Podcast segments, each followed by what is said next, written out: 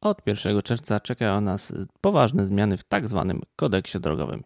Jedni się cieszą, inni twierdzą, że to bardzo źle, że teraz piesi będą mieli pierwszeństwo już wchodząc na przejście dla pieszych. Co jeszcze się zmieni? Czy to dobra zmiana? O tym dzisiaj porozmawiam z moimi gośćmi. Bartosz Jakubowski, węzeł przesiadkowy. Zaczynamy.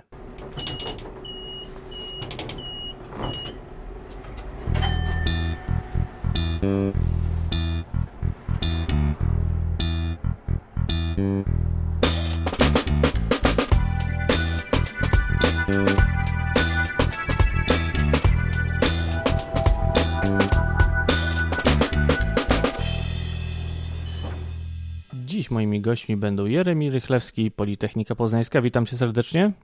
Cześć. I Krzysztof Woźniak z Kołowani Tok FM. Dzień dobry. W Dzień Kobiet pan prezydent Andrzej Duda podpisał e, nowelizację ustawy. Jeszcze nie ma jej w dzienniku ustaw. Natomiast e, no, wiemy, że już jest podpisana i że wejdzie w życie z dniem 1 czerwca. No i teraz pytanie, czy to jest duża zmiana, czy to jest mała zmiana, a może to jest żadna zmiana? Krzysztof, jak sądzisz? Jest to zmiana, na pewno. Duża zmiana, mała zmiana, y, to chyba nie ma wielkiego znaczenia.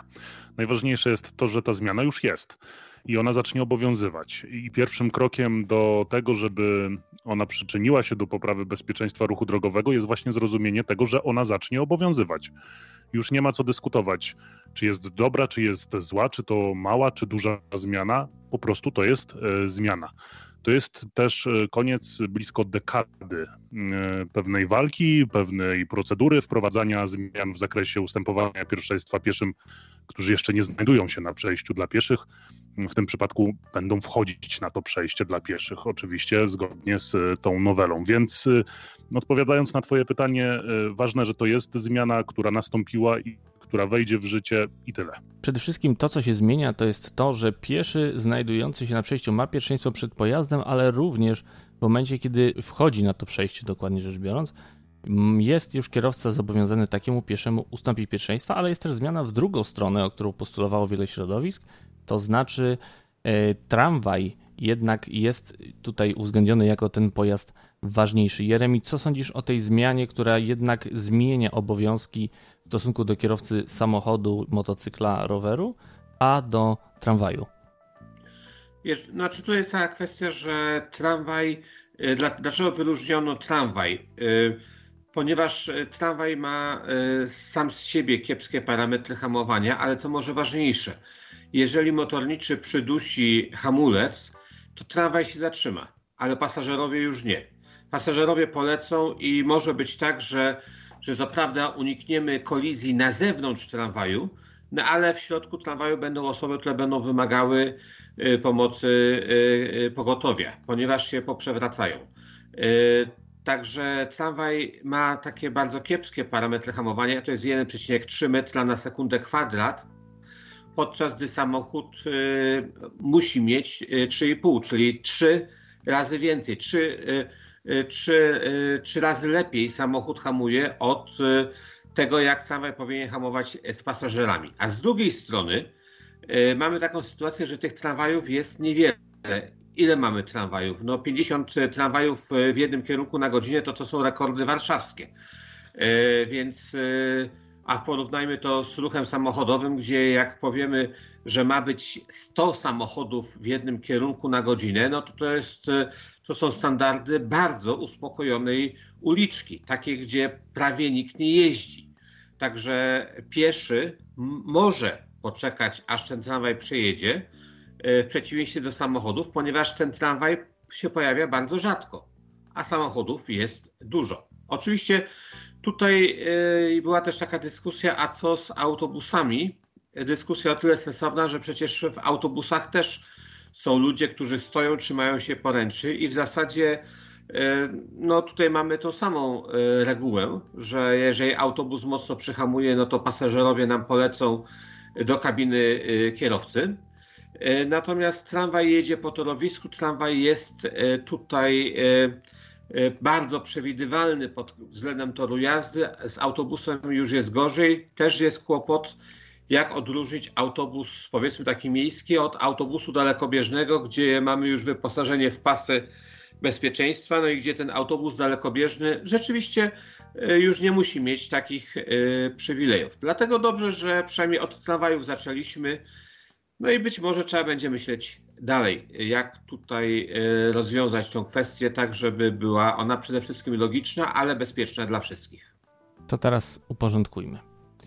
Mm, kierujący pojazdem zbliżając się do przejścia dla pieszych jest zobowiązany zachować szczególną ostrożność, zmniejszyć prędkość tak, aby nie narazić na niebezpieczeństwo pieszego znajdującego się na tym przejściu albo na nie wchodzącego i ustąpić pierwszeństwa pieszemu znajdującemu się na tym przejściu albo wchodzącemu na to przejście. Zastrzeżeniem ustępu 1a i tam jest mowa o tramwajach. Krzysztof, teraz to jest to, to właśnie pytanie, które tak trochę skwitowałeś powiedzeniem, że jest to zmiana. Mamy zapis w zasadzie przepisany z rozporządzenia o znakach i sygnałach drogowych. Ale teraz zastanówmy się, co on tak naprawdę zmienia w tym momencie dla prowadzącego pojazdem, prowadzącego pojazd.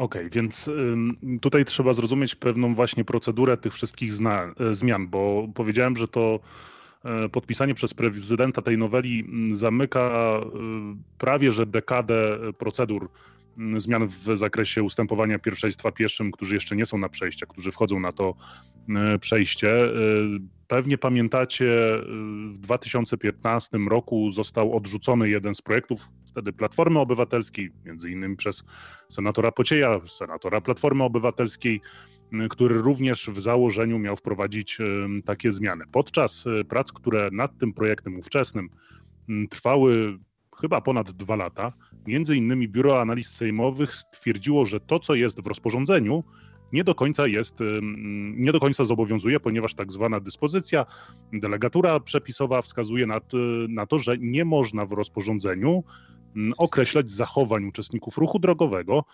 zwłaszcza w rozporządzeniu o znakach i sygnałach, ponieważ to rozporządzenie określa i opisuje tylko znaki i sygnały drogowe a nie to, jak mają się zachowywać uczestnicy ruchu drogowego, widząc dany znak dokładnie. Czyli na przykład zwolnić e, bezpośrednio i nie narazić pieszego wchodzącego na przejście dla pieszych. Więc zmiana jest taka, że to wszystko będzie w ustawie prawo o ruchu drogowym, która jest odpowiednia do opisywania zachowań na drodze, praw i obowiązków itd. Tak itd. Tak Co się zmienia? E, ważne jest to, że pojawia się również określenie, że kierujący będzie mieć obowiązek ustąpienia pierwszeństwa pieszemu wchodzącemu na przejście dla pieszych. Tego też w rozporządzeniu nie było. To jest nowość, która, którą wprowadza właśnie ta nowelizacja, więc jest pewna spójność w zakresie obowiązywania e, przepisów i budowy przepisów e, ruchu drogowego, a to jest dość istotne z punktu widzenia oczywiście prawniczego, ale też e, pewnego edukowania później uczestników ruchu drogowego, więc to jest bardzo ważna zmiana. Mm, ja myślę, że bardzo dobrze, że część rzeczy została przepisana z rozporządzenia, bo nie było potrzeby wymyślania na nowo, więc po prostu rzeczy, które już były, przełożono do aktu wyższej rangi, tak jak to powinno być. I to jest e, wielki plus.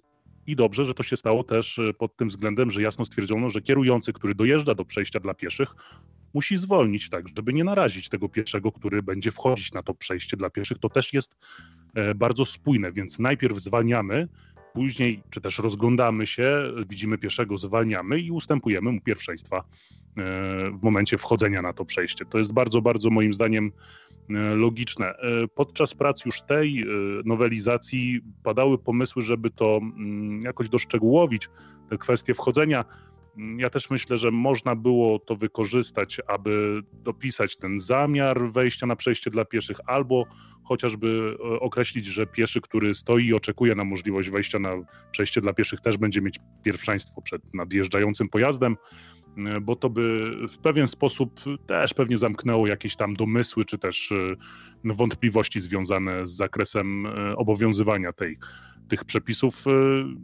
Sens jest znany. Kierujący, który dojeżdża do oznakowanego przejścia dla pieszych, do przejścia dla pieszych, bo w Polsce wszystkie przejścia dla pieszych muszą być oznakowane, dojeżdża do przejścia dla pieszych, ma zwolnić, nie narażać na niebezpieczeństwo pieszego, który jest na przejściu dla pieszych i który wchodzi na to przejście dla pieszych Szczególna ostrożność obowiązuje i pieszego, i kierującego, i jest, y, myślę, że to jest zrozumiałe.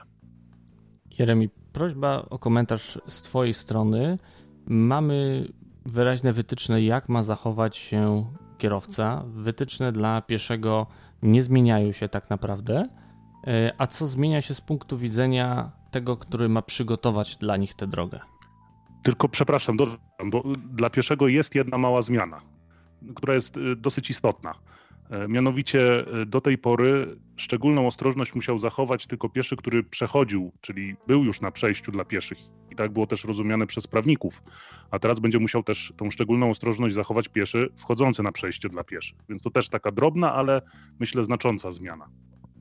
Znaczy jest to podkreślenie, że pieszy y, no, nie może na przykład mieć elementów rozpraszających, y, używać komórki czy coś, czegoś podobnego kiedy wchodzi na przejście, czyli jest jednak to podkreślenie, że pieszy ma pierwszeństwo, ale też jednak powinien y, uważać, powinien zwracać uwagę na sytuację ruchową. Y, to, musi, to nie może być tak, że pieszy teraz będzie wchodził zupełnie be, y, bez rozglądania się. Także to jest może tutaj istotna rzecz w drugą stronę.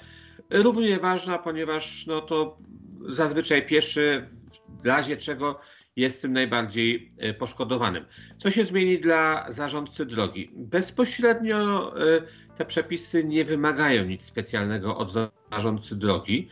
E, natomiast pośrednio no to oczywiście jest kwestia zapewnienia dobrej widoczności. Tu można powiedzieć, że równolegle trwały prace nad pewnymi wytycznymi projektowania dróg, również wytycznymi, które w tym kontekście uwzględniały widoczność chodników.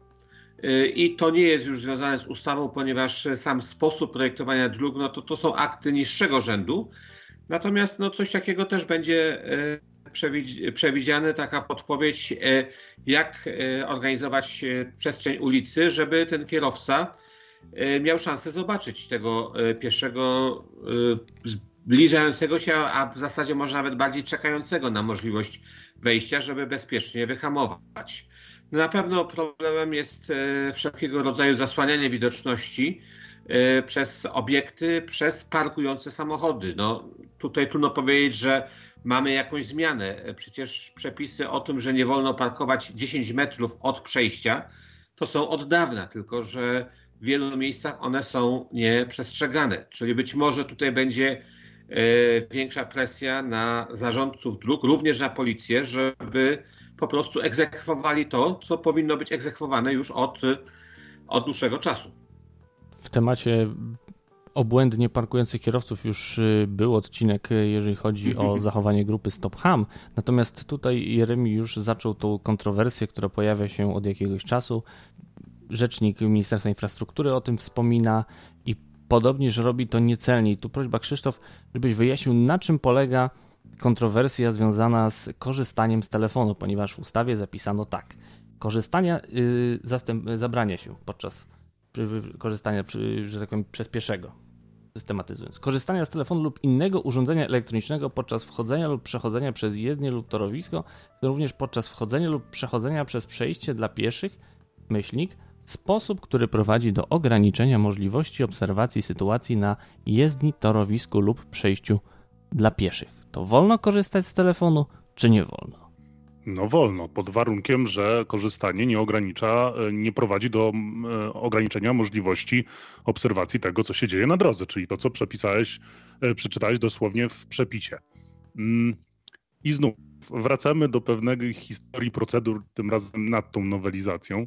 No, ona się pojawiła parę miesięcy temu, dwa miesiące, dwa i pół miesiąca temu bodajże, już w Sejmie i od początku, od początku wszyscy zainteresowani pytali, co to dokładnie znaczy prowadzący, czy też e, w sposób ograniczający możliwość obserwacji tego, co się dzieje na drodze.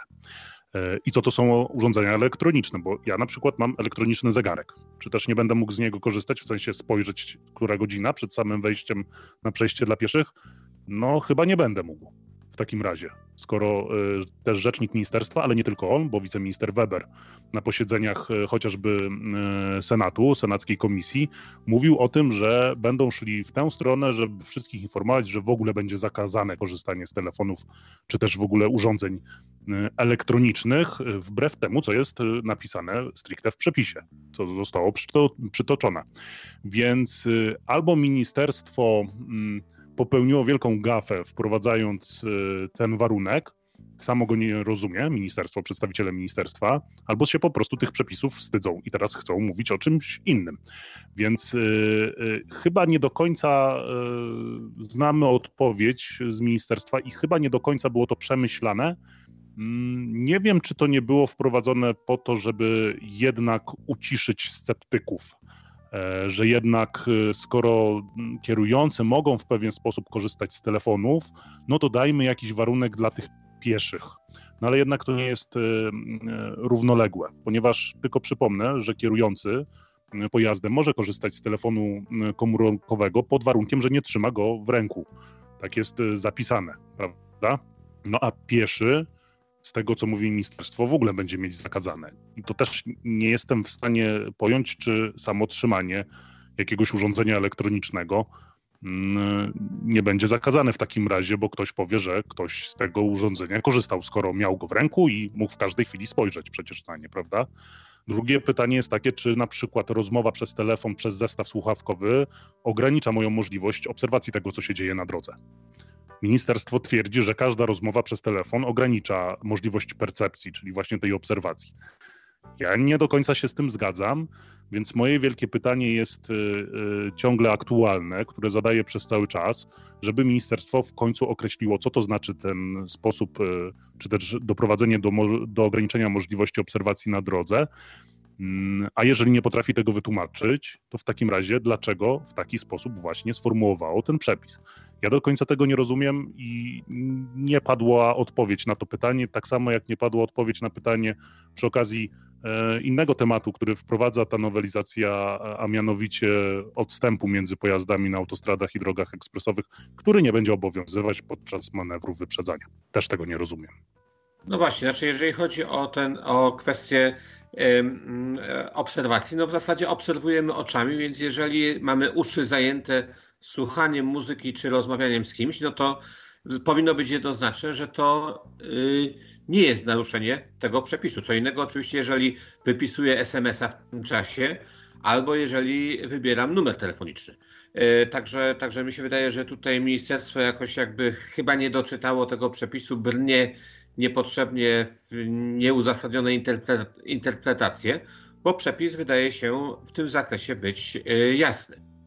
A właśnie, a co z y, dystansem na autostradzie, Jeremi? Bo jest mowa o tym, że trzeba trzymać dystans w metrach taki, jaką mamy prędkość w kilometrach na godzinę. Nie stosuje się go podczas manewru wyprzedzania. W czym jest diabeł y, ukryty? W jakim szczególe jest tym wyprzedzaniem? Bo prawdę mówiąc, nie do końca rozumiem, dlaczego jest to wyłączenie na wyprzedzanie. Jest to tak dynamiczny manewr dla mnie, a w szczególności na autostradzie jest to tak y, czasem dziwny manewr, podczas którego teoretycznie wyjeżdżamy na lewy pas, przyspieszamy i nieraz miałem sytuację, że musiałem w tym momencie zwolnić, bo nagle ktoś przede mną zaczął hamować. E, przyznaję, że też nie rozumiem skąd się to wzięło, albo może inaczej. Mam pewną przesłankę z innego zupełnie przepisu. Ale zacznijmy od tego. Y, Y, odstęp między pojazdami. Niektórzy to podają w metrach, inni wolą to przeliczyć na dwie sekundy. Y, to jest porównywalna rzecz, te, ta połowa prędkości czy dwie sekundy, więc tutaj oczywiście to powinno być liczone tak, jak ktoś ma umiejętności. Natomiast po co jest odstęp między pojazdami? Na wypadek, gdyby ten pojazd przede mną z jakichś nieprzewidzianych przeze mnie przyczyn zaczął ostro hamować. Czy dlatego, że z przodu jest zator, czy dlatego, że uderzył w y, jakieś zwierzę, czy, czy coś jeszcze innego tam się z przodu dzieje, a ja tego nie widzę. No i teraz, jeżeli ja się biorę za wyprzedzanie tego pojazdu przede mną, to co? To nie może się to, ta sytuacja zdarzyć? No, może się tak samo zdarzyć, jak w sytuacji, kiedy jadę e, bez chęci wyprzedzania. Więc rzeczywiście tutaj tego przepisu nie rozumiem. Jest e, tego, tego, tego wyjątku, bo sam przepis, że ma być odstęp między pojazdami, jest jak najbardziej sensowny. Jest tutaj pewna przesłanka, mianowicie w normalnych warunkach prowadzenia ruchu jest coś takiego, że między ciężarówkami powinien być odstęp odpowiednio duży, żeby jakiś samochód, czy nawet inna ciężarówka wyprzedzająca pierwszą ciężarówkę mogła między te ciężarówki wjechać.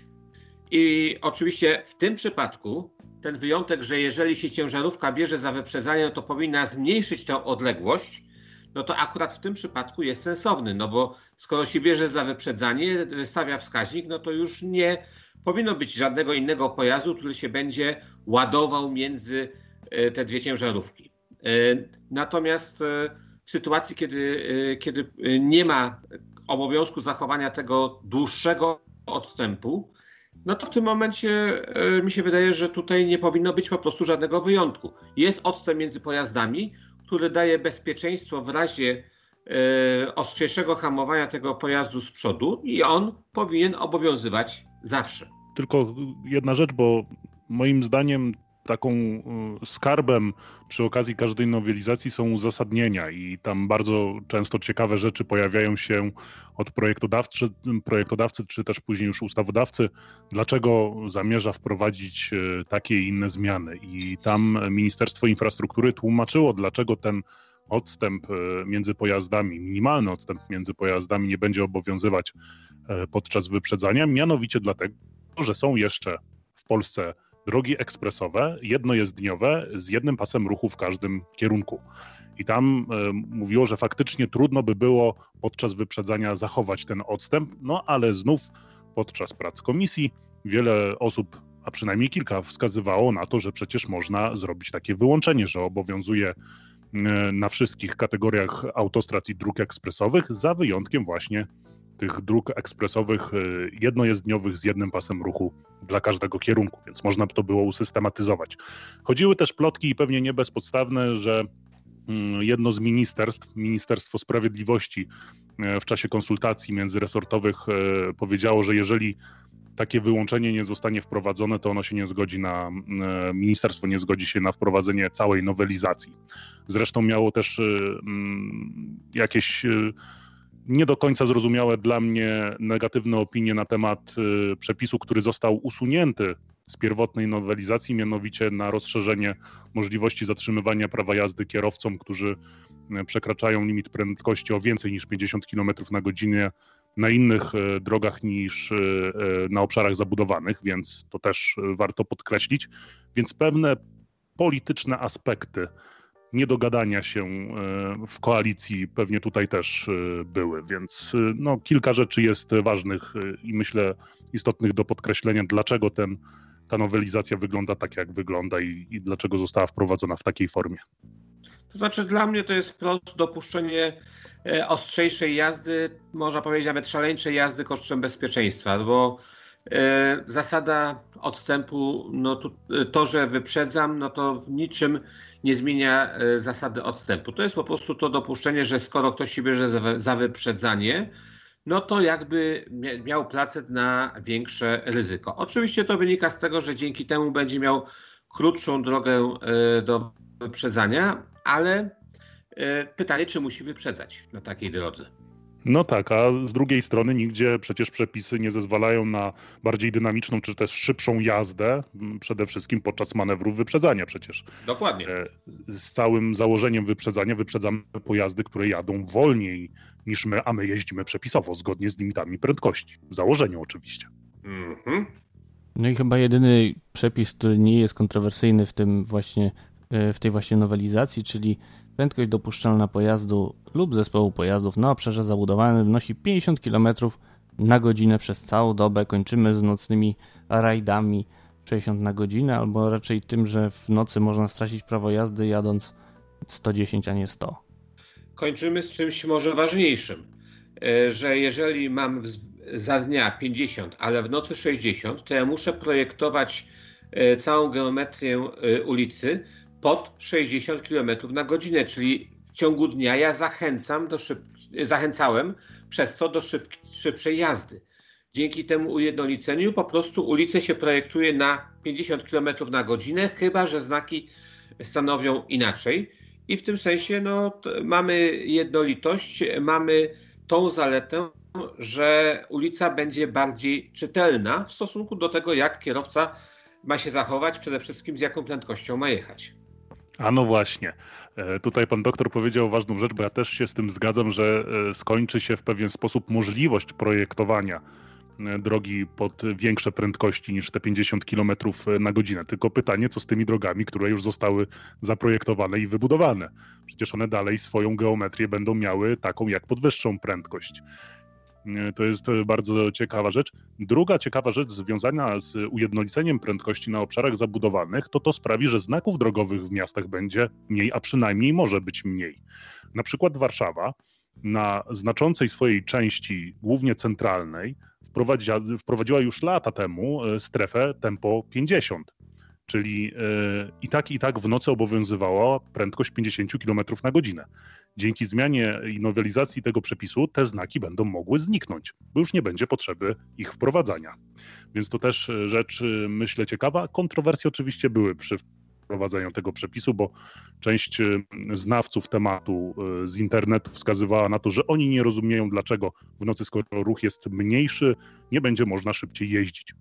Otóż nie projektuje się, tak jak pan doktor powiedział, dróg po to, żeby przez jakąś godzinę można było trochę szybciej jeździć, bo to jest właśnie oszustwo pewnego rodzaju. Mamy drogę wybudowaną na prędkości wyższe niż 50 km na godzinę, a jednak przez większość dnia obowiązuje 50 km na godzinę. Więc trochę jest nie tak. A z drugiej strony, największa śmiertelność na 100 wypadków wśród pieszych jest właśnie w nocy. Dlaczego? No można to połączyć ze sobą, prawda? Energia kinetyczna, im szybciej jedziemy, tym większe prawdopodobieństwo e, śmierci pieszego podczas uderzenia. To jest bardzo, bardzo E, proste. Nie rozumiem, dlaczego w nocy można bardziej narażać pieszych, których jest mniej, ale są, prawda, niż e, w dzień. Więc e, bardzo dobrze, że to zostało zmienione. No i w końcu dołączamy do grona wszystkich europejskich krajów, które mają jeden limit prędkości na obszarach zabudowanych. To też sprawia, że przepisy są bardziej przejrzyste mniej do zapamiętania tych limitów prędkości, a przyznamy wszyscy szczerze, że tych limitów prędkości wynikających z ustawy jest bardzo dużo. Nie tylko na obszarach zabudowanych, ale też właśnie na drogach ekspresowych, e, drogach e, pozamiejskich. Podsumujmy może ten e, projekt, który wszedł jednak w życie w takiej formie, w jakiej go dzisiaj tutaj czytaliśmy. Czy będzie trup się ścielił gęsto na ulicach, czy zapanuje powszechne bezpieczeństwo i spokój na drogach? Jeremi ani jedno, ani drugie. Jest to krok w dobrym kierunku, natomiast e, bardzo dużo będzie zależeć od zachowań kierowców. Obawiam się, znaczy będą pewnie miejsca, gdzie e, zauważymy istotną poprawę, a będą miejsca, gdzie bez pomocy policji naprawdę niewiele się zmieni. To jest taka, taki proces ewolucyjny, więc też spodziewam się ewolucyjnych zmian, takiego stopniowego, stopniowej poprawy Natomiast nie, że od, od jutra będzie, e, będzie bezpiecznie, ale też nie spodziewam się, żeby tutaj jakoś specjalnie e, e, zwiększyła się liczba, liczba zabitych. Zachowania będą bardzo podobne. Może uda się je po, czasie, po pewnym czasie odpowiednio zmodyfikować. Krzysztof, piesi mają się czego obawiać, czy raczej mają się cieszyć? Ja myślę, że e, mogą się czegoś obawiać, ale mogą się cieszyć i nie tylko piesi, ale też kierujący, bo pieszymi naprawdę jesteśmy wszyscy. I ta zmiana dotyczy nas wszystkich. Jak ja czytam albo słyszę, że piesi nie będą teraz włazić pod koła, to zawsze pytam, a pan tak robi, pani tak robi, bo przecież pani, pan też jest pieszymi. I odpowiedź jest zawsze jedna: nie, ja uważam na drodze, bo ja też jestem kierowcą. I do tej pory, szczerze mówiąc, nie spotkałem osoby, która e, zamierza w ten sposób się zachowywać, wchodząc na przejście dla pieszych. Mm, tak jak powiedziałem, ja myślę, że, że już powinniśmy skończyć tę dyskusję, co się stanie po wprowadzeniu tego przepisu, bo on wejdzie w życie. I wszyscy powinniśmy teraz zrobić e, tak, żeby po prostu tych ofiar było jak najmniej, mm, żeby było bezpiecznie, zarówno jako piesi, jak i kierujący pojazdami. Tak, e, w większości jest to zmiana dla kierujących będzie kampania uruchomiona przez Ministerstwo Infrastruktury. Moim zdaniem trochę za późno, bo ma ruszyć z dniem wejścia przepisów w życie. A ona powinna ruszyć miesiąc wcześniej przynajmniej, czyli 1 maja. I to też by było dobre, bo może będzie otwarta majówka, związana oczywiście z kwestią pandemii. Więc to też fajnie by było, gdyby to ruszyło w tych dniach. I rocznica wprowadzenia 50 w miastach. Tak, tak, to prawda. I rocznica wprowadzenia 50 w miastach, tak, kiedyś było 60 w ogóle przez cały dzień, a chyba 70 w nocy. Właśnie, czy nie? Nie. Nie, nie, nie, nie, nie było. Wtedy, nie było, było 60. Przez całą e... dobę, tak. Tak, tak, przez całą dobę. To od chyba lat 70. było. Tak, tak. Więc. Y więc y, projekt w dobrą stronę, nowelizacja w dobrą stronę potrzebna, trochę opóźniona i trzeba zacząć dostosowywać oczywiście y, przejścia dla pieszych, obszary wokół przejść dla pieszych, doświetlać, zmieniać y, geometrię, spowalniać ruch przed przejściami dla pieszych, doświetlać je, tak jak powiedziałem. Dobrze, że w wielu miejscach audyty się pojawiają przejść dla pieszych Generalnej Dyrekcji Dróg Krajowych, czy też w Warszawie bardzo duży, chyba do tej pory niespotykany na skalę, na skalę w ogóle krajową miast w, w Polsce taki audyt przejść dla pieszych, więc y, to wszystko idzie w dobrą stronę.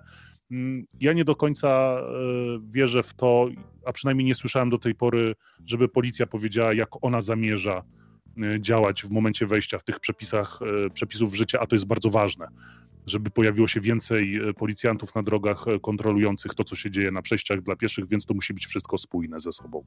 To jest bardzo dobry pomysł na e, czerwcową audycję, żeby sprawdzić, jak policja pilnuje nowych przepisów. O tych nowych przepisach rozmawiali dzisiaj ze mną Jeremi Rychlewski. Dziękuję. I Krzysztof Woźniak. Bardzo dziękuję.